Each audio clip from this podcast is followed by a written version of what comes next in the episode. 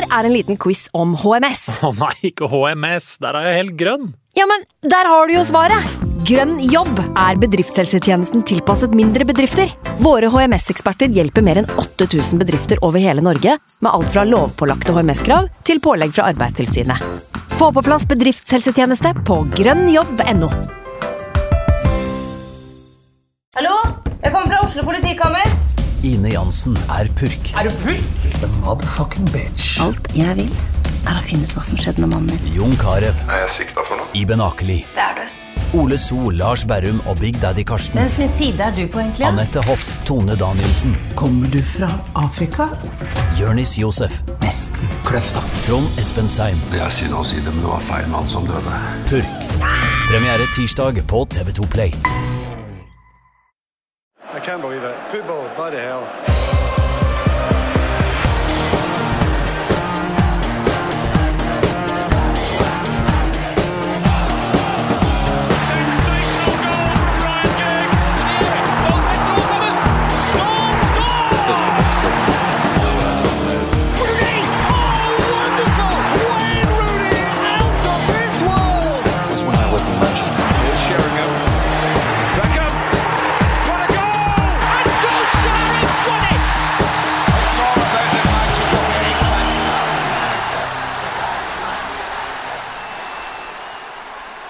Så det var sånn det var. Det var sånn det føltes å vinne fotballkamper. Det er jo noen ganger man, man lurer på hvorfor man gidder. Eh, i det hele tatt. Jeg hadde glemt denne følelsen her helt fullstendig. Nå er den tilbake igjen. Den er jo god! Det er jo derfor vi holder på med dette. Det er jo derfor dette fotball faktisk er noe som besnærer over hele verden. Anders Serener, velkommen. Som vanlig på plass. Eh, Espen VM fra TV 2, velkommen til deg også. Tusen takk. Eh, jeg begynner med deg, Espen. Altså, ehm, du har jo sett det du har sett av Manchester United denne sesongen. Hva eh, Da det sto på som verst, som jeg vil si var for bare noen få dager siden, før eh, seieren mot Brentford, var du overraska over at det liksom hadde kommet dit? Nei, Nei? egentlig ikke. Eh, Jeg var jo på Old Trafford på hva blir det, tirsdag. Eh, Og eh, det var altså så svakt over nesten hele linja, minus Rasmus Høylund og Christian Eriksens andre omgang. Mm. eh, At eh, jeg ikke var uh, ikke overraska. Altså Det som overraska meg mest denne uka, var at de faktisk slo tilbake og slo Brentford. Ja. For jeg sjekka i appen, så var jeg 0-1, ja. Den er grei. Det, alt er ved det normale. For det er det som er, det er blitt normalt nå. Det er Ja. jo det som er problemet. Eh, Eller et av mange problem, selvfølgelig. Men eh, så er det som du sier i innledningen her, da, Ken, at uh, fotballen er jo besnærende og fantastisk, og så får du, får du den, uh, den lørdag ettermiddagen som jeg tipper mange Manchester United-fans har lengta lenge etter. Ja, og Som jeg tror veldig mange Manchester United-fans rett og slett trengte. For det går jo på psyken løs, Anders, dette opplegget her.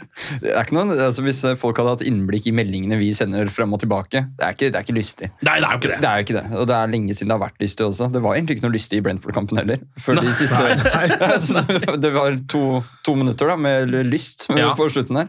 Ja, men så eh, når det på en måte eksploderer på den måten, så blir det jo eh, en ekstra sterk følelse. da. Eh, Og så tror jeg det er litt ekstra spesielt at det var akkurat den mannen eh, som gjorde det, som faktisk redda Manchester United i den matchen der. Altså, det er jo vakkert, da. Det er jo det.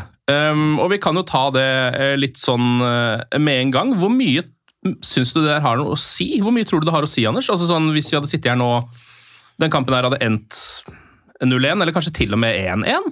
Mm. Det, det hadde også vært tap. Ja, det hadde jo det. 1-1, altså det var, eh, dette er en sånn, det er sånn klisjé, da, men det er jo en sekspoengskamp, føler jeg. Altså, eh, Å høre den 'sacked in the morning' jalle over Old Trafford der, og så bare, du vet hva som kommer. da. Jeg tror ikke Ten Hag hadde fått sparken i dag, men altså det, det begynte jo å se skikkelig stygt ut her. Ja.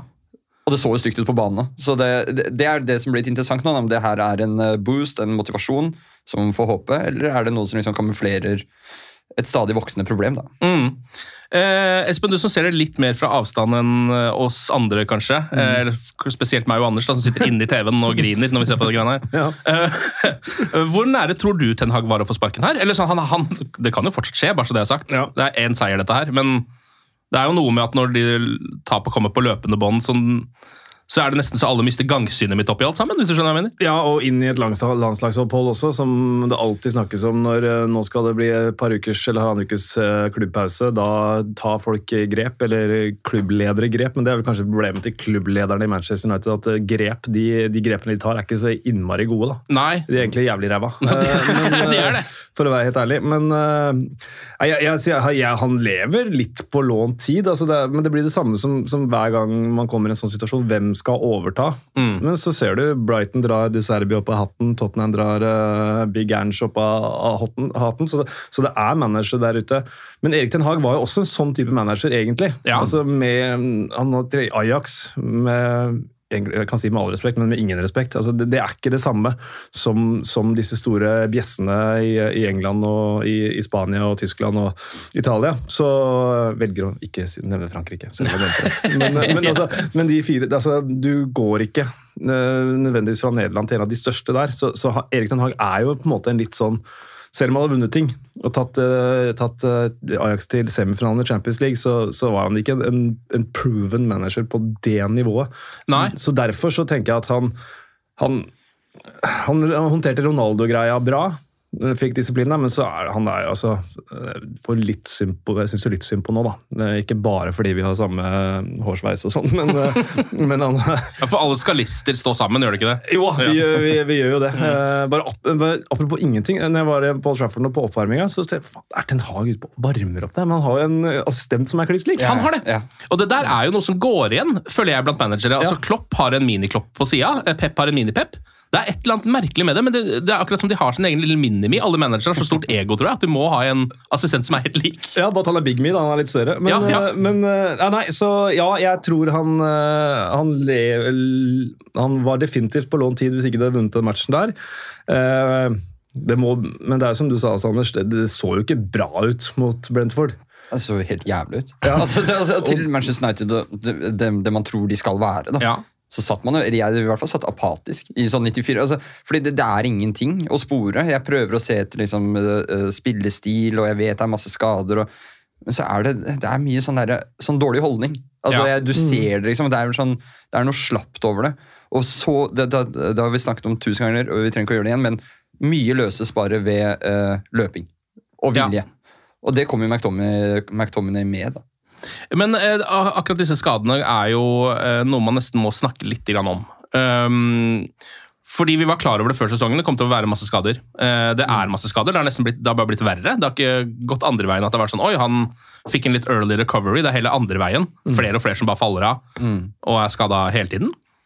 Um, og så er det jo et eller annet uh, med da, at det må jo nødvendigvis påvirke hvilket lag Erik Den Haag kan stille med.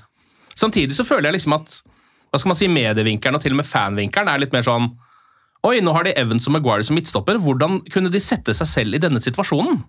Skjønner du hva jeg mener? Det er det man ofte sier. At det er en sånn de har, altså er en, en, situasjon som de på en måte har hatt som en slags sånn Ja ja, eh, hvis det går skikkelig skeis, så har vi dette. Men det har jo ikke det her er jo ikke en nødløsning for Manchester United. Det bare er det det er. Det er en fyr som har på en måte sånn gått på en mine og mista to bein. Hvordan kunne du sette deg selv i denne situasjonen?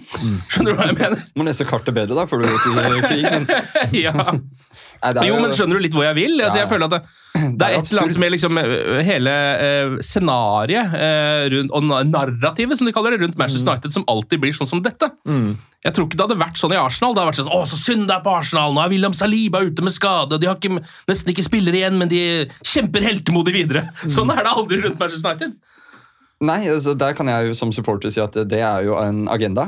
Ja. en klink agenda. Men, men altså, altså, det kan vi tulle med, da, men jeg så et sånn innslag fra Richard Keys og de gutta i Bain Sports som står og kritiserer United-spillerne for å feire etter 2-1-skåringa. Ja, det... altså, altså bare sånn der, Dere har slått Burner, liksom, og dere later som dere har vunnet serie. Så Hver minste ting med United uh, vinkles ofte litt annerledes, fordi det gir masse publisitet på Twitter og god stemning. Men det er jo en helt syk situasjon klubben er i, sånn rent skademessig. Ja. Når til og med nødspillerne som hentes inn, kommer skada. altså, de, de, de, får så vidt snust på Carrington. Skade. Ja, Region, for eksempel. Ja. Region, for eksempel. Ja, og Amrabat og alt. Men, men, men, på den annen side også, da, så, ja, det, du kan være drituheldig med skader, det er Manchester United nå, men Nå har ikke jeg full oversikt over hva slags type skader dette her er. Nei, det har vel ikke vi heller, for å være helt ærlig, for det er så mange av de. Ikke sant? Men hvis det er mye muskelskader, og sånn, så ligger det ofte noe i hvordan, hvordan er opplegget. Altså, Mm. Hvor hardt trener man? Trener man riktig? Trener man for hardt for tidlig? Ja. Sånne type ting. Så, så, så det er jo ting du kan styre der òg. Selvfølgelig Mm. ren uflaks, det, det kan du ikke styre. Men, men når det er så mye skader, og det har vel vært en del av det de siste sesongene, så Ja, det det. kanskje det er andre strukturer som må jobbes med. da. At, Mm. eh, så skjønner jeg dere som supporter at det er et, et narrativ og, og, og sånt noe. Det, og at det er annerledes når United har skada spillere. Men, men det tenker jeg er en viktig del, og det er sikkert en større diskusjon om, om eierne og alt dette her også, og alt Ja. som er i klubben. Og det handler jo faktisk også om hele altså, kampoppsettet og kamptrykket da, Ja. som er nå. Så det er jo en megadebatt egentlig på veldig mange nivåer, det greiene der. Ja, og, men, men da er det vel også det at Erik Ten Hag skal spille med elveren sin, da. eh, Ja. I absolutt alle kamper. Det har han jo gjort veldig mye av, f.eks. da han kom. Så var det mye av det. Ja. Og da blir det jo stor slitasje. Da får du ikke rotasjonen. ok, Du slår Crystal Palace mm. i ligacupen og får en kjempeopptur, tror alle. Helt til et middelmådig Galatasaray kom på besøk. Ja. Mm, sarkasmen var kanskje til å ta og føle på i det jeg sa, men, eh, det, jeg sa det, men, men, eh, men det er jo noe der òg. men så skal han spille inn et lag, det skjønner jeg. Eh, men slitasje det fører jo også til skader og osv. osv. Så, videre, og så, videre. så så det er, eh, det er nok, det er nok noen flere, flere faktorer her også som jeg tror ikke de er helt eh, uskyldige eh, i klubben heller på hvorfor det har blitt som det har blitt. Da, Nei, selv om man også har uflaks, selvfølgelig. Mm. Eh, og Det eh, fører jo til at man da mot Brentford eh, hjemme nå får oppgitt en rekke navn. Elleve spillere. Og så må man egentlig prøve å tenke selv sånn ja, Men hvordan? Det her regnestykket går jo ikke helt opp. For det er jo, nå er det fire midt, fem midt, sentrale midtbanespillere. altså hvem skal spille hvor, liksom? Det er så gøy nå når man får lagoppstillingen gjerne på Twitter først, da, så ser du bare alle navnene under hverandre. Ja. Og så blir jeg sånn, der, eh, sånn dyskalkuli. Eller sånn Ja. der, sånn, sånn jeg bare, så prøver jeg liksom å telle du, fire Nei, det går ikke. Amrabat, er du keeper? Venstrebekk i det. Jeg er bare sur. Men bare til det poenget der, for det er jo et reelt uh, Se på Martinez. Som tydeligvis ble rusha tilbake. Ja. Var fortsatt uh, ikke klar. Den gode gamle FM gi en injection-greia, liksom. Og nå er han ute i mange måneder. Det virker jo som det er noe lignende som skjer med Varan hele tiden også. Ja, ja, Eh, selv om han er jo egentlig aldri helt spilleklar heller. Da. Det, må Nei, det har han jo aldri vært. Nei, han har jo Nei, men om- kanskje hvis han hadde fått eh, en litt bedre hverdag da, at han, og, og noen ukers hvile, så hadde han kunnet være der lenger. Jeg, jeg vet ikke, men det er jo er litt urovekkende. Og det sier også noe om den tilliten han har til de som er bak i køen. Ja. Hvis du heller velger å spille med en enfots enfots Martinez enn Harry Maguire, for eksempel. Ja, eh, og da ender man jo opp med eh, sånn som denne gangen. da, Onana står det, han skal stå i mål, det er man ganske sikker på. Lindeløf er på en måte litt sånn jokeren når man ser eh, lagoppstillinga. Mm. Han er der, og Maguire og Evans skal jo spille midtstoppere, det vet man når de står på blokka. Dalot, Amrabat, Casemiro, Fernandes, Rashford, Mount og Høylund. Det viser seg vel egentlig at Lindeløf spiller venstreback. Faktisk, Jeg trodde han skulle spille høyreback og Dalot på venstre. Det viser seg at det ikke er sånn. Han spiller venstre, Daloa på høyre, Maguire og Evans i midtforsvaret. og Så får jo Amrabat da endelig spille på midtbanen, Mm. sammen med Casemiro i dette tilfellet her. Mount ligger vel som en slags tier og Bruno på høyre, og så bytter de litt på, og så er Kommentators mareritt av Ja, det lagoppstillinga der, ja. Ja, det er jo det! Ja, ja, ja. Det, det er det. Rørende at eh, Evans fikk eh, Eller Maguire fikk spille sammen med mannen som erstatta han i Leicester. Da. Ja, det er jo veldig spesielt. det er veldig rørende, men, eh, men nei, ja, nei, det er Det var samme når vi, når vi så lagoppstillingen mot uh, Galatasaray. Det, vi diskuterte det litt, Simen og jeg, uh, hvorfor ikke Dalot spiller venstreback, som han jo gjorde med ja, brukbar hell, i hvert fall i Ja. Milan for noen sesonger siden. så Ja. det er mer enn nå, ikke, nå var jeg aldri noen stor fotballspiller, men jeg var veldig høyrebeint og spilte stort sett midtbane. Men hvis du skulle spille back, så var det jo en fordel å spille høyreback. da. Ja. Eh, og hvis du ikke, hvis, altså Bekk er en vanskelig posisjon å spille, og hvis du ikke skal spille der, så er det kanskje greit å ha det beste beinet i den riktige posisjonen. Så, så det var kanskje litt overraskende at Lindeløf ikke var på høyrebekken, syns jeg. da. Men, eh, Ja. men det er sikkert grunner til det òg, da. Ja, det er, det er kanskje fordi Åpenbart må det være det. Ja, det er jo kanskje Jeg Vi får at det, håpe det. Ja, ja, ja, ja, ja Inderlig. Jeg tenker at det er fordi at da har de altså at de heller da tenker at uh, da har de eh, hva skal man si, én posisjon som er som vanlig. Ja. Istedenfor to som er sånn 50-50, liksom. Eh, det er sikkert noe i det. Dalot spilte jo også en ganske bra kamp på den høyrebekken, egentlig. Uh, Syns jeg, mot Brentford. Kampen starter jo litt sånn eh, som den pleier å gjøre nå om dagen med United. For de ser decent ut i sånn 10-15 minutter i starten, så er det litt sånn Å ja, men ja, ja, vi får se liksom hvordan dette her skal gå skeis, men eh, akkurat nå så ser det jo ikke så ille ut, på en måte. Og så smeller det selvfølgelig. Med eh, et par-tre klassiske tabber i løpet av 10-15 sekunder. Eh, etter 25 minutter. Først er det Casemiro som bare hodeløst eh, mister ballen. Spiller en feilpasning på egen halvdel. Det blir brudd mot, selvfølgelig, men eh, det er ikke gitt at det skal bli noe mål av det, eh, egentlig. For det er jo en masse surr, eh, noen innlegg som ikke sitter. Og så havner ballen hos Lindeløf, som bare Jeg vet ikke hva han driver med, men han, kanskje han er litt uvant med posisjonen sin. Bare pælmer ballen liksom inn i feltet igjen, til en Brentford-spiller. Ballen havner hos uh, Mathias Jensen. Uh, helt grei avslutning. Onana Var du snill? Ja, det, det er å ta i, faktisk. Ja, han, tre, han treffer mål og Ja, det- hjørne. Det er en dårlig avslutning, og så hadde det vært en, sånn, en halvlei pasning tilbake til egen keeper. Altså, det, Ja. det, det er jo bare sånn, det er fisleskudd. Ja, og Onana har ikke liksom reaksjonene, ser det ut som, i det, eh, i det tilfellet her. Eh, Han nedpå den treffer han med noe fingertuppe, ballen går inn. Jeg vet ikke, Er det liksom en keepertabbe, eller? Ja, ja, Ja, klink. det, er, det er så VM i keepertabben. det. Ja. Dessverre, det er ikke noe annet å si, også, fordi jeg, jeg, sånn jeg så det i sakte film også, det, det var ikke noe best case scenario engang. Fordi for, Tar han den, så dytter han bare ut i feltet igjen, antageligvis. ja da. Så det, han, han er jo ikke riktig posisjonert, han ligger ikke bak. Det, er bare, det, var, litt, det var litt fælt, det der. Altså, jeg har en tiåring som, er, eh, som spiller fotball, er fotballpunch. Han er ganske god på mye, han er elendig i mål. Uh, selv om han prøver å stå der av og til. Hvis han hører det her noen gang, så får du ha meg unnskyldt, Mats. Men, uh, men han hadde tatt den, og han hadde tatt den mot Bayern. Fordi han hadde sparka den bort. Ja. Uh, og jeg veit at keeper ikke gjør det, men, men, men det gjorde det. David Hea gjorde det. Det var det han gjorde, faktisk. ja, det var, ja, Bortsett fra det, det Hea, da, Ja. som, eh, som ikke, man ikke kunne bruke. Uh, så det er kjempetabbe. Og, det- uff, ja. Ja, og det, altså nå um, Jeg har veldig lyst til å like André Onana. Jeg har veldig lyst til å ha troa på han. Jeg liker typen. Eh, han eh, står for det han driver med, liksom. Det er litt kult, syns jeg. Går ut i intervjuer etter å ha tabba seg ut og sånne ting. Ehm, men nå begynner det å bli mye, da. Han har vel gjort minst én feil i egentlig alle kampene han har spilt, nesten, og da tar jeg med treningskampene. Altså Han slapp inn fra midtbanen mot eh, ja, eh, Jeg husker ikke om det var, var det Nis eller hva de spilte mot der. Ja, det var et av disse lagene. Lille, var det kanskje. Ja, Samme det. Uh, og den ene kampen han på en måte har, som man tenkte at han egentlig var ganske bra i, da, altså mot Wolves, da skulle han jo egentlig ha fått en straffe mot seg. mm, Helt på slutten, som hadde ruinert den kampen også, på en måte. absolutt. Så nå, nå begynner det å bli veldig, veldig mye, altså. Eh, med André Onana. Det er det sånn Det fins jo ikke titt- Man kan jo ikke snu. Det går jo ikke an å snu i en sånn situasjon, gjør det det? Eller hvordan, hvordan skal vi gjøre det? Det har ikke fått sånn ny klubb ennå. Så- Nei, det er jo så sant, Det går an å snu, men, eh, men det er jo så, som, eh, som Simen uh, Stamse Møller, min kollega og kompis, sa til, eh, til et annet medium eh, Medie, heter det kanskje ikke medium. Ja. Til Lille Bendris, faktisk. sa-. Til Lille Bendris, ja. Kunne sagt det til Lille Bendris. Men eh, til et annet medie etter kampen at, at David Gea har redda poeng for redda Manchester United 100 ganger. Uh, Onana taper kampen for Manchester United. Og Ja. det er, altså, ja, det er tidlig, men det er, uh, det er rett og slett ikke bra nok. Uh, og nå vet jeg ikke om han tyrkeren er noe god. eh, Nei, det vet jeg ikke vi heller. Nei. Tom Heaton var god for noen år siden. Det er, Ja. Men altså, det er jo Onana som skal stå, det, det skjønner jo alle. Men det igjen, det er jo Ten Hag som har henta håndplukka han. og igjen, det er litt sånn nederlandske managere som henter sine spillere gang etter gang etter gang, etter gang, og det er veldig sjelden jeg har sett at det har gått utrolig bra. Mm. Uh, når de henter ryggraden fra, fra Ajax. Ja, jeg veit han var i Inter, og han var god der i en halv sesong, men der delte han ansvaret med Samir Andanovic. Han sto i Champions League-finalen og var god, og alt mulig sånt, men det er én sesong.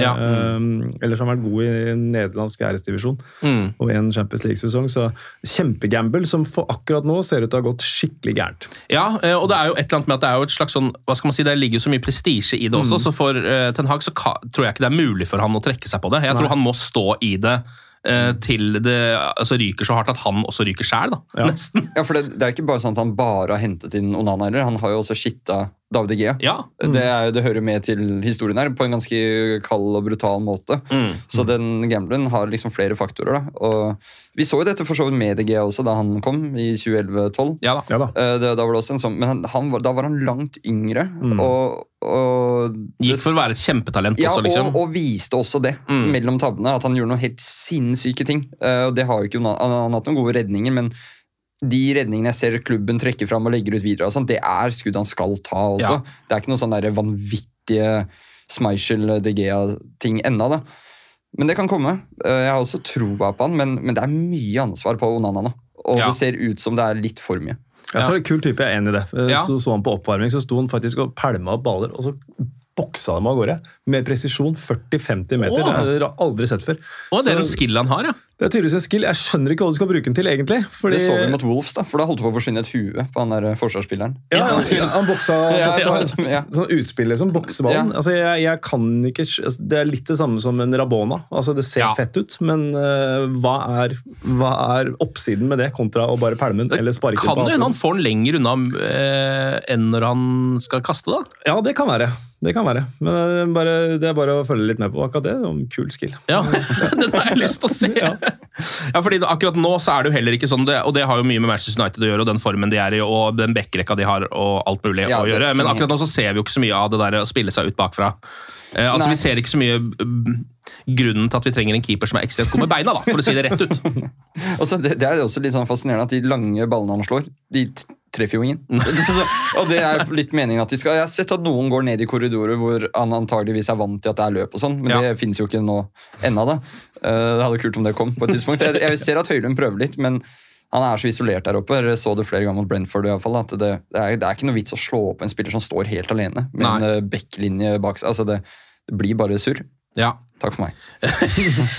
ja, Men eh, da er vi jo inne på 1-0 da, til Brentford. Tre tabber i løpet av kort tid. altså Der er det først Casamiro Casemiro som driter seg ut, så Lindeløf og så Onana. og Da blir det mål imot, da, liksom. Det gjør det. Sånn er det jo bare. Eh, Etter det så har United en del ball eh, utover første omgang der. Skaper veldig lite. Det er noen smågreier fra Rashford. Eh, Høylund har en helt grei mulighet som viser seg også å være offside. Og så er det pause. Eh, I pausen så tar han ut Casemiro. Som jo på en måte er hovedsyndebukken, kanskje, eh, bak det målet, siden det var han som starta hele situasjonen. Setter inn eh, Christian Eriksen. Føles ut som et slags signal, eller? Ja, mulig. Eriksen dro jo på et nydelig skudd med en gang. Ja. Altså, Casemiro er også litt tilbake på det vi var inne på i stad. Altså, han ser sliten ut. Altså. Ja. Han ser ordentlig sånn dvask ut. Uh, Ja. Så at han nå kanskje kan få litt konkurranse av McTominay, uh, og sånn, det tror jeg også vil være veldig bra. Hvile litt. Ja. Slapp av nå. Ja, for han ser eh, fysisk litt sliten ut, også litt treig i situasjoner og sånn, men også det er noe mentalt der. Han gjør mye med tabber nå. Han, mm. han skal jo ikke gjøre det. Det er Casemiro, liksom. Pasningene der, det er sånn Men det, men det har vært ganske mye av det også. Ja, det har det. Og så er han, eller ikke alltid, men han er oftere litt på etterskudd i taklinger. Ja. De han liksom traff på i fjor, treffer han ikke på i år. Ja. Og da blir det mye dårlige situasjoner imot. Uansett om han vil eller ikke. Ja, eh, og han er jo, altså, Jeg liker litt dette her at Ten Hag tar ut en sånn type spiller. fordi For det første så eh, er det ikke Hannibal Neibri, liksom, det er Casemiro. Så jeg vet at han tåler å bli tatt ut som en slags signal. Nå dreit du deg ut, du har gjort det mye nå. Vi kan ikke ha deg på banen, rett og slett. Det tror jeg vil være sånn som Casemiro går i garderoben med en sånn Da kommer fotballstoltheten tror jeg, opp igjen. da, Den profesjonelle stoltheten. Det er bare Ja. sånn Herregud, hvor mange Champions League har jeg vunnet, egentlig? Jeg kan ikke holde på med dette. Dette, her er jo, dette nivået holder jo ikke, liksom. Ikke sant? Um, så jeg syns det er veldig bra. I tillegg så i denne kampen så var det jo det han måtte gjøre, føler jeg. Eh, fordi uh, United trengte noe mer offensivt også enn Casemiro. Han var liksom, var ikke han de trengte i den kampen her. Som du sier, så drar Eriksen på med noe eh, skudd tidlig. 53 min, så dundrer han av gårde et skudd fra en sånn 20 meter eller noe. Strakosha har ikke noen store problemer med det, men det er liksom da skjer det noe, da. Det har ikke vært mange avslutninger for United de siste de ti kampene, så der begynner det liksom å skje noe. Fortsetter Det er egentlig byttene som preger den matchen her. Eh, Ten Hag fortsetter å bytte. Etter 62 min så er Antony plutselig tilbake igjen eh, på Old Trafford. Det er eh, Mason Mount som går ut. Garnaccio kommer også inn, og Rashford går ut. Det var også et signal. Det var også et signal. Hva tenker du om Marcus Rashford, Espen? Altså det du ser av han nå? Han ser litt midt ut, Ja. rett og slett. Uh, er jo 25, er det ikke det han er? da? Og Jo. vært med veldig lenge allerede. Det skal ikke dra parallellen til Wayne Rooney, for der er det for mye forskjeller. Men alderen kan man jo se det på. Nå driver og hører på den Rooney-poden til uh, River Kings. Ja. Så husker jeg ikke helt alderen når, når det begynte liksom, å slakke litt av for han. men Det var jo midt i 20-åra et sted, Ja. hus så vidt jeg husker. og så hadde han et par, eh, par opper etter det også, så, så sånn sett er jeg ikke sånn veldig bekymra for Marcus Rashford. Men jeg tror også mye av det han har drevet med på utsiden av banen, som er utrolig viktig og utrolig bra, og gjør Marcus Rashford til det, den United-spilleren og det ikonet han, han er. Men sånt noe tar nok energi også. eh, og hadde en fantastisk sesong i fjor. Uh, eller forrige sesong. Det var jo i år også, for så vidt. Men, eh, men så er han, han er så isolert der ute. da. Altså, han, han lider jo også av at Luke Shaw ikke er der. Ja. Uh, fordi hver gang han skal få ballen, nå, så skal han utfordre sjøl. Altså, den overlappen kommer ikke som den skal. Altså, det, det er, du trenger relasjoner i, når du er kantspiller. Og, og, må kunne, og det blir så åpent bak der når ikke de kan stole på hverandre. og sånn, så, så han lider nok litt under det. og um, og så, så, så, håper jeg også at, at han måtte spille litt spiss, og alt mulig sånt, men jeg håper jo og tror at han skal, skal finne tilbake til sitt gamle. Det er kanskje litt sånn klisjé, men ketsjup-effekten trengs. Han uh, må blåse en ball i nettet. Men Ja. han kan jo lære seg å skyte med innsida av foten, for det har han jo aldri gjort. Nei, han han, han må liksom druse. Ja. Eh, ikke at jeg skal lære Marcus Rashford å spille fotball, men akkurat, hvis han varierte litt der, så kanskje det hjelper òg. Men eh, nei, jeg, jeg har troa på at han skal komme, finne tilbake til seg sjøl, men, men det er klart når du er en ledestjerne som han, og så Mm. sliter hele klubben, da reflekterer det gjerne formen hans også. Ja, og nå er han jo i, i en situasjon hvor dette har skjedd flere ganger, at når United virkelig må ha mål altså Her er det liksom en halvtime igjen, og de ligger under hjemme. Det er helt totalt krise, så bytter de ut han. Og det er jo, det er jo eh, det er jo på en måte motsatt av sånn det skal være. da. Han er jo en av de man skal tenke at han må i hvert fall være på banen, for der, der kommer det mål. Nå er det jo ikke sånn, Han jo helt, har jo vært helt naken nå i mange kamper på rad. Men det er også helt nakent rundt han. Ja. Eh, som Espen sier. Og det er jo, jeg så mot Brentford at han hadde noen av de der, å si, gamle pasningene sine. altså Hvor han stopper opp på venstresida og ser hva som skjer, og spiller en pasning langs bakken inn bak fireren. Men da må det jo løp til. da. Mm. Og, så, og det er jo ene alene i den kampen her, så var det Høylund Ja. som løp ut av posisjon for å strekke laget. og sånn, og Han savner Shaw. Altså, Rashford og Shaw sammen var jo helt vanvittig. Han savner generelt å ha noe overlapp, han savner å ha bevegelse, tror jeg. I, da, Og- ja, I den kampen her så var det jo også Victor Lindeløf som skulle ta den jobben, Ja, så man skjønner jo at det ikke ble Og det skal han jo ikke.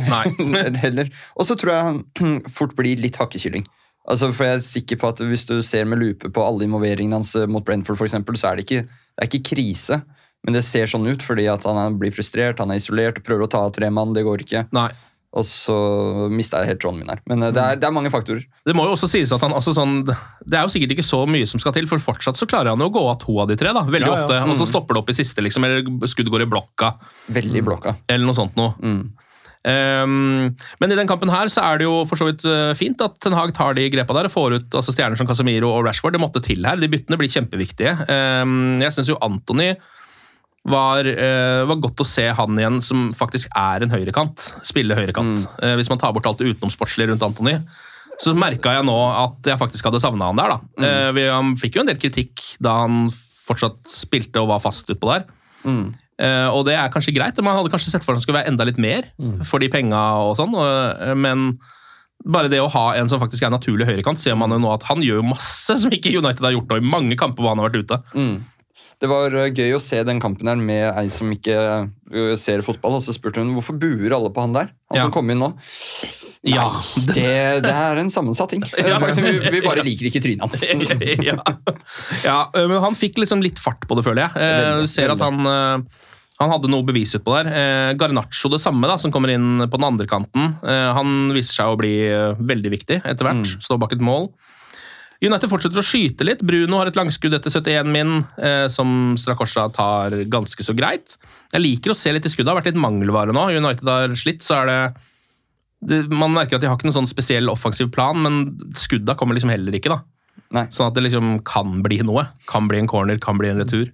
De tinga der. Allikevel så er det jo Brentford som eh, mot slutten av kampen Nå er det eh, ja, åtte minutter igjen. Så er det de som skaper sjanser allikevel. Da sitter man jo og bare tenker det er håpløst, liksom. Men det, så, altså, det, det var ingenting som uh, tilsa at det skulle snus der. Det var jo ikke det. Nei, altså ingenting. Ikke det, Eh, det er vel Mopay, husker jeg, som eh, fyrer av gårde et skudd. Onana tar den, det blir corner. Corner corneren slås inn rett på huet. Jeg husker jeg ikke hvem det var som hedda, men den går liksom rett opp mot nettaket, da, og Onana må bare fiste den over. Klarer så vidt å rekke den. Men så skjer det. Det store som skal snu denne kampen. Etter 87 minutter, nok et bytte. Scott McTominay kommer inn på banen. Scott McTominay kommer inn på banen, folkens. Sofian Amrabat går av. Um, Scott McTominay har hatt et par stinkers i det siste. Det er vel ingen som egentlig ser for seg at, um, at altså det, er liksom ikke, det er ikke sånn Oi, nå setter vi inn på Ole Gunnar Solskjær på slutten, på en måte. Jeg har ingen forhåpninger når Scott McTominay kommer inn. Men Ten Hag visste at nå er det landslagspause. Scott McTominay er mentalt litt hos Skottland allerede. Han er allerede inne i 16-meteren Ja, da er det mål i han. Altså. ja. ja, det som skjer da, United pælmer eh, alt fram. Skårer jo først faktisk et mål som blir annullert etter 89 minutter. Eh, Martial som er borti en ball. Det blir et selvmål til slutt, men det er en grei offside. Og så, da, 90 pluss 3. Masse surr i feltet. United har pælma alt de har opp der. Prøver liksom å eh, brodere seg inn via kantene. Garnaccio må gå av en mann og pælme den inn. Det er for mye bein inni der, så det virker egentlig helt håpløst. Men i akkurat en sånn situasjon så lander ballen eh, hos McTominay. Han har fortsatt en jobb å gjøre. Ja, den er stor, den jobben han Ja. har å gjøre. Altså. Den er jo det. Ja. Han tar ned ballen med det er vel først er det med låret, og så vender han opp på en måte litt opp. Det er nesten hæren. Ja, Ja. Jeg lurer på ikke han plukker ja, det, kan godt være, men men mener du husker han plukker ned med, med innsida, eller med rista? Altså sånn, Ja. Han henter den bak, Han og så lar han sprette en gang, og så bare bang. Eller om han ikke spretter, jeg tror ikke han spretter engang. Eh, Jeg husker ikke. Men det er en vanvittig bra scoring, og hvis eh, hvis Høylund gjør den, hvis Haaland gjør den, Ja. så, så er det klassespiss, bla, bla, bla. Men, og McTominay er jo en, en klassespiss når han, når han viser de greiene der. Han er jo merkelig nok det. Det her er jo liksom, litt sånn Skottland-McTominay. på en måte. Jeg har sett han score de målene der noen ganger for United òg, da. Han er jo en veldig god avslutter. Han var jo spiss. Ja, Man glemmer det. Han ser det her, for det her er jo liksom rent sånn instinktmål, føler jeg. Måten han tar ned den ballen på, og det at han klarer å fyre av så rapt. Det er en Eh, Solskjær-avslutning. ja, Altså, det, det, ingen av oss hadde klart å få av et skudd der. Så det går så kjapt, faktisk. Og så er det bra. Rett i nettet, eh, og det er 1-1. Og så eh, Da eh, elsker jeg Old Trafford akkurat på det tidspunktet her, for da begynner det endelig liksom, Da merker folk at oi, er det muligheter her, faktisk? Alle har jo gitt opp, egentlig. Mm. Lydnivået går opp en eh, 600-700 desibel. Til tross for at en tredjedel forlot stadion. Ja, for det gjorde det jo. ja, veldig. Sånn har det jo blitt nå. Old Trafford det er også en skam, selvfølgelig. Absolutt. Eh, Men jeg tror de eh, altså, Det var jo den gjengen som tapte, når de hører det jubelbruset liksom, rett ved Fish and Chips-sjappa på utsida. Den er ikke like god, den følelsen. det der. er ikke det, vet du. Er ikke det. Um, og så får United frispark på egen halvdel. Det er seks minutter på overtid. Kampen er egentlig over. Um, ser at Harry Maguire bare spurter fram. Mm. Legger inn et sånt eh, nesten litt Jeg fikk litt sånn Haaland-vibb av det. Det der eh, Haaland-løpet for Dortmund som begynte på liksom egen femmeter og helt inn i andre femmeteren. Når så svære menn får opp farta, liksom, da, da er det som en snøball som bare ruller nedover der. Ehm, Bruno pælmer jo ballen så langt han kan, men den er presis, den er høy, rett på skallen til den svære skallen til Harry Maguire. Nikker ballen ned på brasken til Scott McTominay eh, via noen fingertupper, og rett i mål. Og Manchester United vinner faktisk kampen, for det her er noe av det siste som ja, vel så å si det siste som skjer. Ja, det er avspark. Og så er det Ja, ferdig. Ja. Rett ferdig. Avspark og ferdig. Mm. Hvordan var den følelsen, Anders? Vet du hva, Jeg må innrømme at da jeg hatet Ayer så mye på det tidspunktet. her. Han jubla jo for han et klarte å provosere meg så sinnssykt mye. Så jeg tror jeg sto og skreik 'Hvor er din gud nå?' Uh, altså Jeg var helt sånn Nei, det, jeg, har- ikke opplevd det her på sånn ti år med United. Eller det føles ikke sånn, iallfall. Nei. Um, og altså, jeg må jo si det, det her er jo rart å si, for jeg fikk jo litt den samme følelsen som uh, i eh, Champions League-finalen. Uh, Ole Gunnar Solskjær, uh, Kamp Nou. Det er jo litt den følelsen man får når man snur Burnley hjemme. Ja, ja. Old Trafford. Brentford til og med. Lik. ja, men altså, det, er jo litt den, det er jo den følelsen man får når man På tiendeplass. Ja, rett opp, smalt rett opp på tiendeplass. Jo, men det er jo, altså, den, den følelsen der er jo eh, det, Man tenker jo på Manchester United, så tenker man jo på det øyeblikket. Og hvor mange ganger Manchester United har avgjort ting på overtid. ikke sant? Mm. Fergie-time, det er jo en greie. Men til tross for det så er det jo ikke noe som skjer så fryktelig ofte. Eh, altså Det å skåre ett mål på overtid og vinne på det har jo skjedd ganske ofte. Men akkurat dette her er det, første, altså det er første gang i Premier League at Manchester United ligger under eh, etter 90 minutter og faktisk vinner en kamp. Oi. Det er aller første gang de har gjort det. Så det er, det er jo litt merkelig å tenke på, men akkurat det de er kjent for, altså den 99-vibben der, det skjer, det skjer ikke så veldig ofte i Premier League. Det Det er denne gangen. Nei, for, ja, for Steve Bruce rakk å utligne til 1-1 før Ja, eh, sikkert i mot- 89., da. Ja, mot Sheffield Wednesday. Ja, for Ja. Det var det første jeg tenkte på der når det kom til sånn to overtidsmål, men det var jo bare, var jo bare ett overtidsmål. tydeligvis. Ja.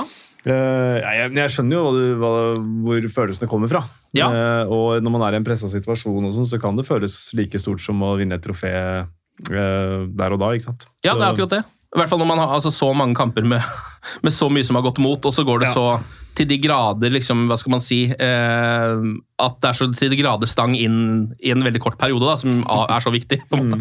Altså er det fascinerende med Scott McTominay. Han ble jo på en måte litt latterliggjort når, eh, når José Mourinho fant opp en egen pris for at han skulle få bli hedra og, og sånt noe. Så jeg syns jo ikke han har ikke hatt noen sånn enkel vei til, til fansens hjerter, egentlig. Nei. Eh, men det er interessant når du sier at vi tok av Amrabat og satte inn på McTominay. så bare Hvorfor kjøpte man Amrabat? Hvorfor henta man han? Altså, Hva skal de med han? Unnskyld at jeg sier det. Ja. det, det jeg, jeg forstår det ikke. Det er, Nei.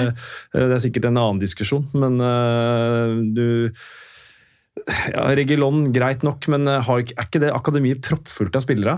Eh, De er skada, vet du. ja, ja, de skada alle i akademiet òg, ja. men, alle var jo skada når Marcus Rashford fikk debuten sin mot Midtjylland òg. Ja. Det er helt du, du må kaste innpå noen istedenfor å bruke sånne plasterløsninger. og Der syns jeg det er en strukturfeil med måten Manchester United henter spillere på. da. Mm. Uh, at Jeg kan ikke tenke meg at alle venstrebekkene i akademiet og U20 og Premier League 2-skåden er så jævlig ræva at Nei. de ikke kan brukes. I så fall er jo det en svikt i seg selv. Ikke sant? ikke sant? Da er det i krise. Så, eh, og Amrabat hadde et bra VM. Jeg så han ikke så mye, for så vidt. Jeg, jeg så ikke alle Marokkos kamper, men det syns jeg virka som en hype. Og med foreløpig fasit i hånda er mulig at han kommer til å ha kjempefeil. Han blir United-legende med nummer fire på ryggen og sånn, men jeg tviler på det, altså. Mm. Nei, altså eh, Hva skal man si? Det var jo et eller annet med at når de henta både han og Regilon og den gjengen der, så er det jo De mm, trengte jo rett og slett nesten bare stallfyll også, da. Ja, Som de da har lånt ut, eller, altså som han Alvarez, han venstrebekken, Ja. som nå spiller Granada, eller hvor det er. Han har en kjempekamp nå i helgen, så jeg. Ja, Hvor, hvor mye dårligere er han enn Region? ja det vet jeg ikke. For eksempel. Det bare virker som litt sånn rar inn- og ut-greie, som er sånn gjennomgående for United. Eller har Ja. vært da, en, en del år nå. Det er litt sånn, og, og mens jeg sitter og ser på denne kampen, her, så scorer jo Brian Williams. Ja. Skårte.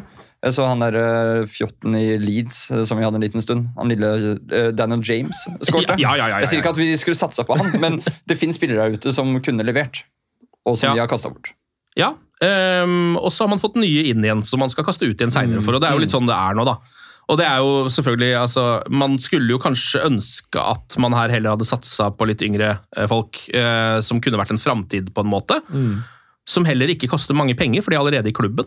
Eh, og så videre og så videre. Det er jo ja, det er jo noe med klubbdriften her som ikke er helt bra. rett og slett. Det er vi jo klar over. Mener du at det er noe i strukturen i United som er dårlig? Det er det. Ja. Kan også nevne at eh, Scott McTominay han skårer jo stå og si bare på hjemmebane, han.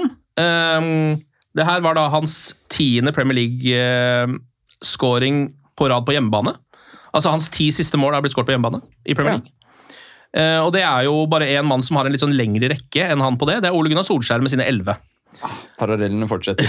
Og så var det jo litt hyggelig, da, altså, eh, den, med tanke på den triste bortgangen til Cathy. Ja. eh, oppi det hele, At det er en eh, ung skotte som gjør det i følge time. Og det er masse Ja fint man kan tenke på der som supportere. Ja, Det var jo en uh, veldig trist nyhet. Lady Cathy Ferguson, uh, Sir Alex sin kone, uh, som også gikk bort nå nylig. har vært sammen altså gift med Sir Alex i 57 år. Det har vært et forhold som vi Manchester United-supportere har fått mye nytte av, for å si det på den måten. Så en liten salutt eh, selvfølgelig til eh, hele familien Ferguson fra oss eh, i United We Podcast. Hun ble 84 år gammel. Ehm, sender ut en liten hilsen til hele familien, og selvfølgelig liksom på en måte bare kunne takke for den sterke kvinnen bak den sterke mannen. Som vi alle elsker, og som har gjort egentlig grunnlaget for halve livet mitt. rett og slett. Så hun skal få æren for en kvart del av hele livet mitt, eh, lady Cathy Ferguson. Den gode delen. Ja, den gode delen av livet mitt, ikke den dårlige delen. Um, så er det jo skandale selvfølgelig at ingen av lederne for Scott McTominay-fanklubben, altså Seb Brynestad og Sven Biskår Sunde, eh, kunne være her og stille opp i dag. Men du kan jo bare se for deg hvor travle dager det er på kontoret akkurat nå eh, på, i McTominay-fanklubben etter en sånn type kamp. De har andre ting å ta seg av. Det er vel også grunn til å tro at ingen av de er i stand til å jobbe i dag. Ja, det tror jeg også. eh, Etter den festen de har tatt seg. Det er, det, hele fanklubben er på Ibiza sammen, sammen med McTominay nå, faktisk. Eh, og tar seg noen, noen gode beger som de alle fortjener. Unner de det. Jeg syns også det er greit å trekke fram eh, Harry Maguire. Ja. Hele Harry Maguire-situasjonen sett litt fra utsida for deg, Espen. Hva, hva har du tenkt om hele den greia der? Den sagaen rundt Harry Maguire og Manchester United? Jeg syns først og fremst det er litt, uh, litt vondt, ja, og tidvis Ikke bare tidvis, men ganske mye usmakelig. Altså, sånn, det er vel litt både engelsk presse og den meme-tiden vi lever i, og alt Ja. det Harry Maguire, og alt han gjør er ræva. og ja, Det var vel, jeg vet ikke om moren hans som var ute og sa at det er sønnen min, liksom. Ja, Eh, Det glemmer man jo oppi alt sammen. det er mennesker, dette her. og de, Ja, de tjener sinnssykt mye penger og er sinnssykt privilegerte. Det er jeg òg i den jobben jeg har, det er jeg klar over. Men, øh, og jeg får dritt, jeg òg, liksom. Ikke, altså, jeg skal ikke trekke parallellen der, men, men, men man må ikke glemme at det er mennesker når man sitter der selv og man sitter der og, og deler disse memesa. og og bare ler og koser seg. Kommenterte jo England, Skott, eller Skottland-England, så kommer han inn og gjør sjølmål, selvfølgelig. ikke sant? Mm. Uh, da får jeg, får jeg vondt av. Men da var jo engelske fansen bare sånn, hver gang han slo en god pasning, så bare he's taking a piss, he's taking a piss, Harry Maguire, he's taking, altså Bare for å kontre skottene, da. Så da var de faktisk med supporterne med han. Men, men jeg syns jo Altså han er jo en, en, bra midtstopper. Eh, Det er bare det at eh, han eh, har gjort noen sinnssykt dumme feil innimellom, men det, hvilke stoppere gjør ikke det? Og så har han et erkebritisk, erkeengelsk utseende og, og alt det der, så han er så enkel hoggestabb, da. Og alt han gjør, er er, eh, er ræva. Så jeg, jeg, jeg, får, jeg får litt vondt av det. Jeg synes det er eh, Jeg kan jo le av det sjøl. Altså, det er ikke sånn at jeg hever meg over og le av noen gode Harry Maguire-memes. Det, det, der er vi ikke. Det er det men- ingen som gjør. Nei, det er ingen som gjør. De som gjør det, de ljuger. Ja. Eh, men, men det blir for mye for meg. Altså. Og Ja. Derfor, så- derfor syns jeg det også er en fin, et fint element i den scoringen. Mm. At han faktisk er oppe og og at han ikke dreide seg ut på baklengsen. da. Ja. Han har fått en, uh, fått en keeper bak seg som tar seg av det nå. Så, så det er jo kanskje litt godt for Harry Maguire. Genistrek fra Ten Hag. Ja, ja, en måte å løfte Maguire Ta bort på. presset fra Maguire. Ja. Du har en bak der som driter seg ut enda mer. Men jeg, jeg er så enig, for det er, det, er, det er gøy med disse memesene og alt det tullet, men så er det greit å bare minne seg om uh, Phil Jones eller uh, Ja. Del Alli. Altså disse, de, man får veldig mye sympati i en uke, og så glemmer man det. Fordi man må lage en ny meme eller en Ja. ny dårlig artikkel. Altså men- tenker på spillere som er ute og forteller om hvor røft det er. ja, hvor, ja, hvor sinnssykt det er å, å bli stoppa på gata og fortalt at du er en, eh, en dritt, liksom. Mm. Med kidsa dine. Eller, altså, når moren går ut, da, så er det Det, det er jo ja, det er mennesker. Ja. Men jeg synes Det var en herlig liten revansj for Maguire. Han spiller jo en bra kamp eh, og har eh, en assist på det viktige vinnermålet. Mm. Og så er det jo, altså det her var jo en, kamp hvor det var Evans og Maguire som midtstoppere. Jeg synes fortsatt det er jeg, er, jeg, blir, jeg blir nesten rørt av Johnny Evans. Altså. At han er tilbake på det laget. Det er selvfølgelig det, det er um, et endetidstegn for Manchester United. Det det. Men samtidig, midt oppi eh, apokalypsen, så må man jo ta med seg det man kan. Mm. Eh, Jeg bare synes det er så deilig. Han spiller jo bra! Altså, Fyren er jo Så deilig at det er apokalypsen som er de fire hesterytterne i eh, Evans og Maguire. ja. Jo, men han, jeg, Johnny Evans er jo du ser, altså Han er jo selvfølgelig rutinert, men jeg føler at han spiller med så stor ro, ja, selv om han er liksom på Old Trafford igjen. på en måte. Mm. Skulle tro at han var dritstressa. Man sa jo det Han syns det er så gøy at nå skal de liksom spille seg litt mer ut på, fra bak da, enn han er vant til. og sånn. Ja. Jeg, jeg tror han syns det er kult. Jeg tror han syns det er gøy å få en ny utfordring sånn på Ja. tampen av karrieren. Det virker litt sånn, altså. Eh, ok, Da er det vel lov å titte litt på tabellen, da, siden United har vunnet en kamp. Den ser jo eh, riktig så snasen ut. Eh, Manchester United ligger på tiendeplass. Eh, de har tolv poeng på åtte kamper. Eh, men så er det nå bare sånn fire-fem poeng opp til de europaplassene nå, da. For såpass tett er det jo, og det er såpass tidlig i sesongen, at bare én sånn seier, så liksom er kan man i hvert fall da få en sesong på, på rett kjøl igjen, faktisk. Hvis man vinner den neste, og den neste, og den neste. Og der er jo litt av problemet. Vi har vært innom det. Hvor, altså, redda av Scott McTominay på overtid den kampen her. Men hva er det, hvor er egentlig Manchester United nå, Espen? Altså, hvor, Ja, de, er i, de er fortsatt i kjempetrøbbel. og Det er jo ikke bare i Premier League, men i Champions League så har de, de kommet i en gruppe hvor eh, jeg tror 99 av 100 ville tenke at det her kommer de til å seile gjennom og få ta seg. Altså Bayern blir tøft, selvfølgelig, men eh, de men Bayern tar alle kampene, og så skal de i hvert fall få en enkel andreplass. er det vel alle har tenkt. Ikke sant? Du skal i hvert fall ha ni poeng da, etter fire Ja. kamper. Mm. Null problem. Eh, nå skal de møte Er det hjemme eller borte mot FCK først? Og det husker jeg faktisk ikke om det var hjemme bort først. Ikke heller. Og- Men FCK i Parken de, de tapte jo mot Bayern nå, men de taper jo nesten aldri i Parken. Slipper nesten aldri mål i Parken. Mm. Uh, du må dra dit, og du må vinne. Altså, Ja. det, det, er, det er ingen tvil om det, fordi uh, det Galatasaray-laget der uh, er ikke bra. Nei. De har mange gode enkeltspillere, men hvis jeg spør dere som Manchester United-fans, vil dere bytte ut noen av spillerne på Manchester United med noen av spillerne på Galatasaray? Nei. ville, Vil jo ikke det. Nei. Nei, ville kanskje hatt Angelinho, men ikke hvis du måtte bytte han med Shaw. ikke sant?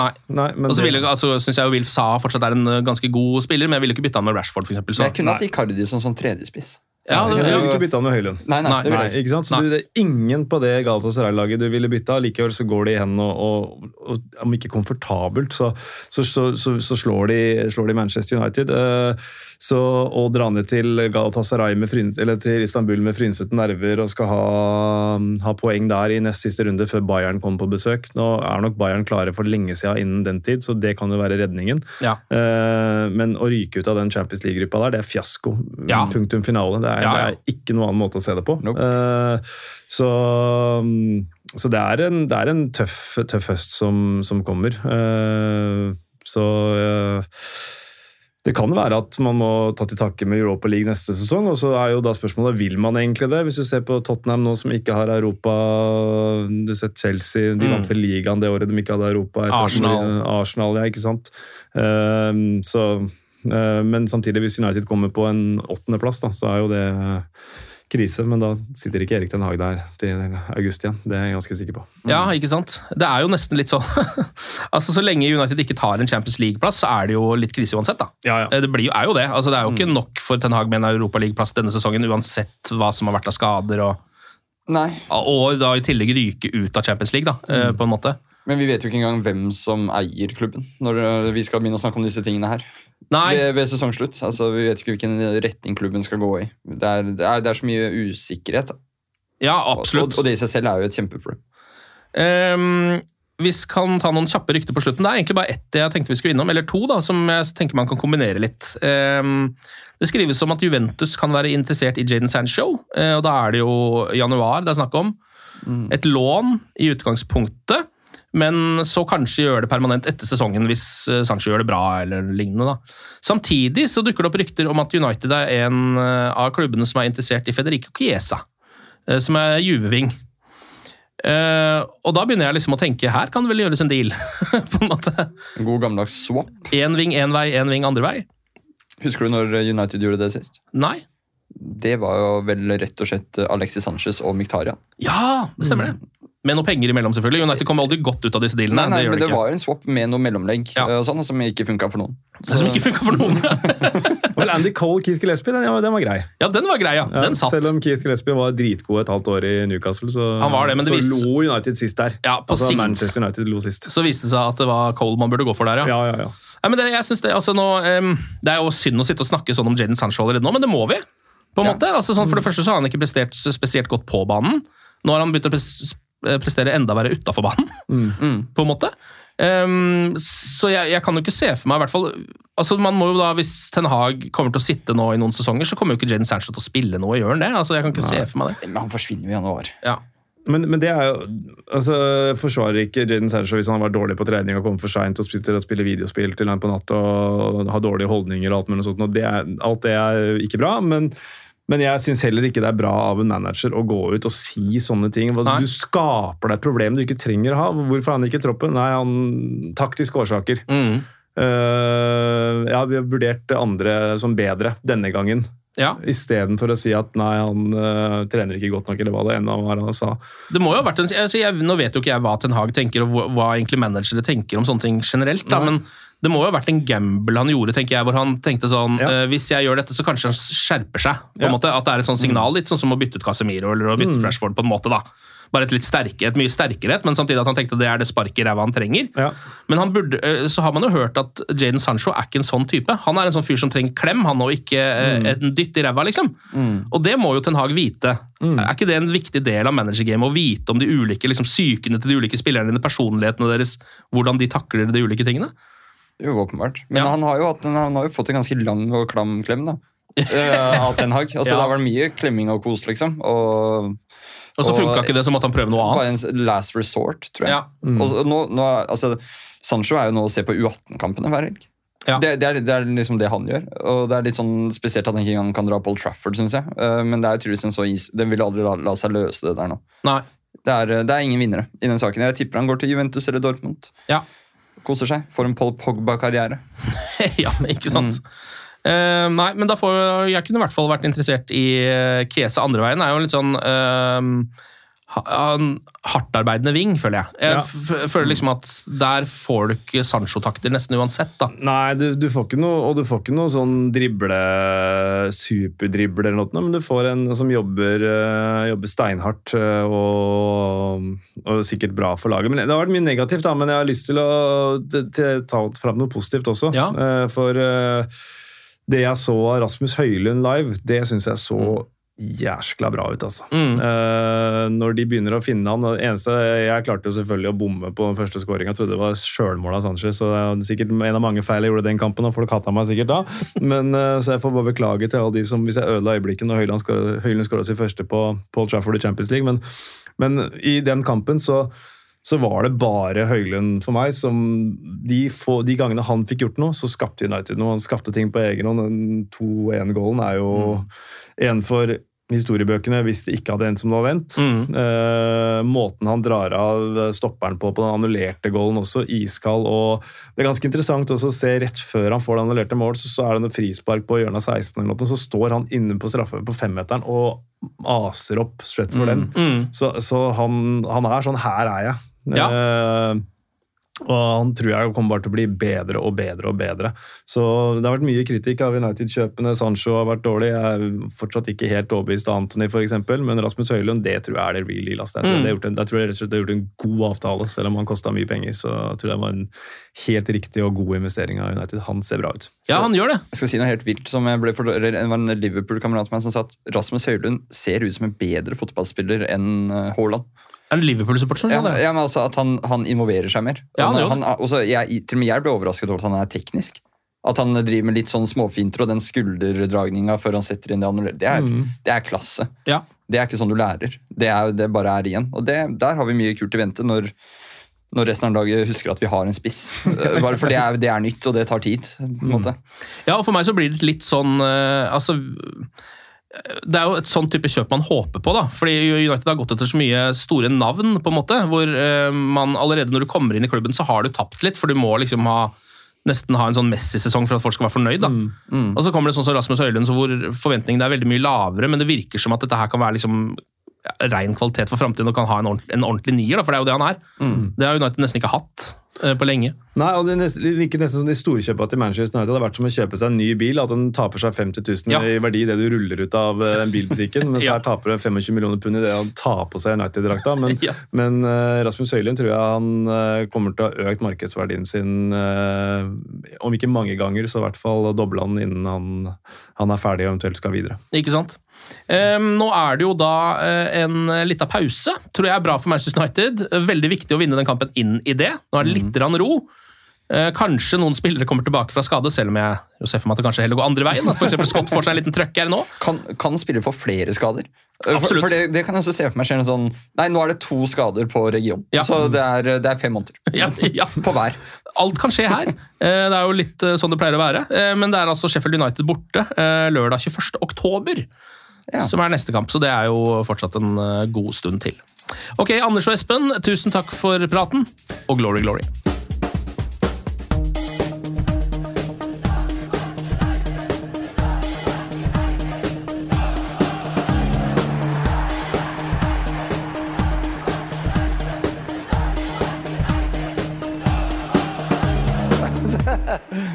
True. I've seen many things. Moderne media. Ukens annonsør det er matkasseleverandøren Hello Fresh. Der kan du velge mellom 25 ulike oppskrifter hver uke, eller få Hello Fresh til å sette sammen en meny for deg. Jeg sparer tid på å handle, oppskriften er veldig enkel å lage, og så får jeg akkurat det jeg trenger da, til hver eneste rett, så jeg slipper å kaste så mye mat som jeg vanligvis gjør. Det er også litt deilig å faktisk slippe å gå på butikken, ikke bare fordi det er tidkrevende, og sånn, men fordi man ender opp med å kjøpe så mye greier som man egentlig ikke trenger, sånn som fire poser eh, Smash og en kick med havsalt, eksempel. Det er ikke det du egentlig er der for, du er der for å kjøpe, kjøpe middag. Så det er en veldig eh, kjekk ting. I tillegg så er det jo eh, ferdigporsjonerte ingredienser, det blir mindre matsvinn, og du betaler bare for det du faktisk trenger, og det du faktisk da spiser. I tillegg så blir det da levert på døra. Eh, til et fastsatt tidspunkt, sånn at du kan få det akkurat når det passer for deg eh, sjæl. Hvis HelloFresh høres ut som noe for deg, så har jeg en rabattkode du kan bruke også. Gå inn på hellofresh.no og bruk koden HelloUnited24. HelloUnited i ett ord, også 24, og få opptil 1779 kroner i rabatt på de fem første matkassene dine hvis du ikke har prøvd HelloFresh ennå. Du kan også bruke koden hvis du tidligere har vært kunde, men har stoppa abonnementet ditt for tolv måneder siden eller mer. Det er ingen bindingstid, og du kan pause eller avslutte abonnementet ditt akkurat når du selv måtte ønske. Husk koden HelloUnited24, og bon appétit! Ukens annonsør er Folio, en smartere banktjeneste for deg som har en egen bedrift eller ønsker å starte for deg selv. Folio er en superenkel nettbank for bedrifter. Som kunde i Folio får du en bedriftskonto med et bedriftskort og app.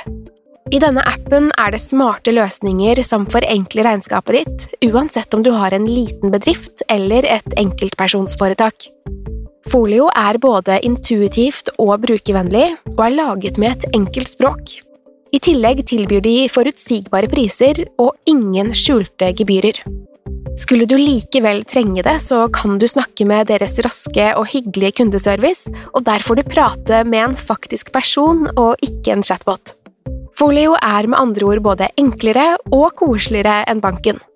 Over 10 000 bedrifter har allerede valgt Folio som sin banktjeneste, så besøk folio.no og se hvordan Folio kan forenkle din hverdag også. Har du et enkeltpersonforetak eller en liten bedrift? Da er du sikkert lei av å høre meg snakke om hvor enkelt det er med kvitteringer og bilag i fiken, så vi gir oss her, vi. Fordi vi liker enkelt. Fiken superenkelt regnskap.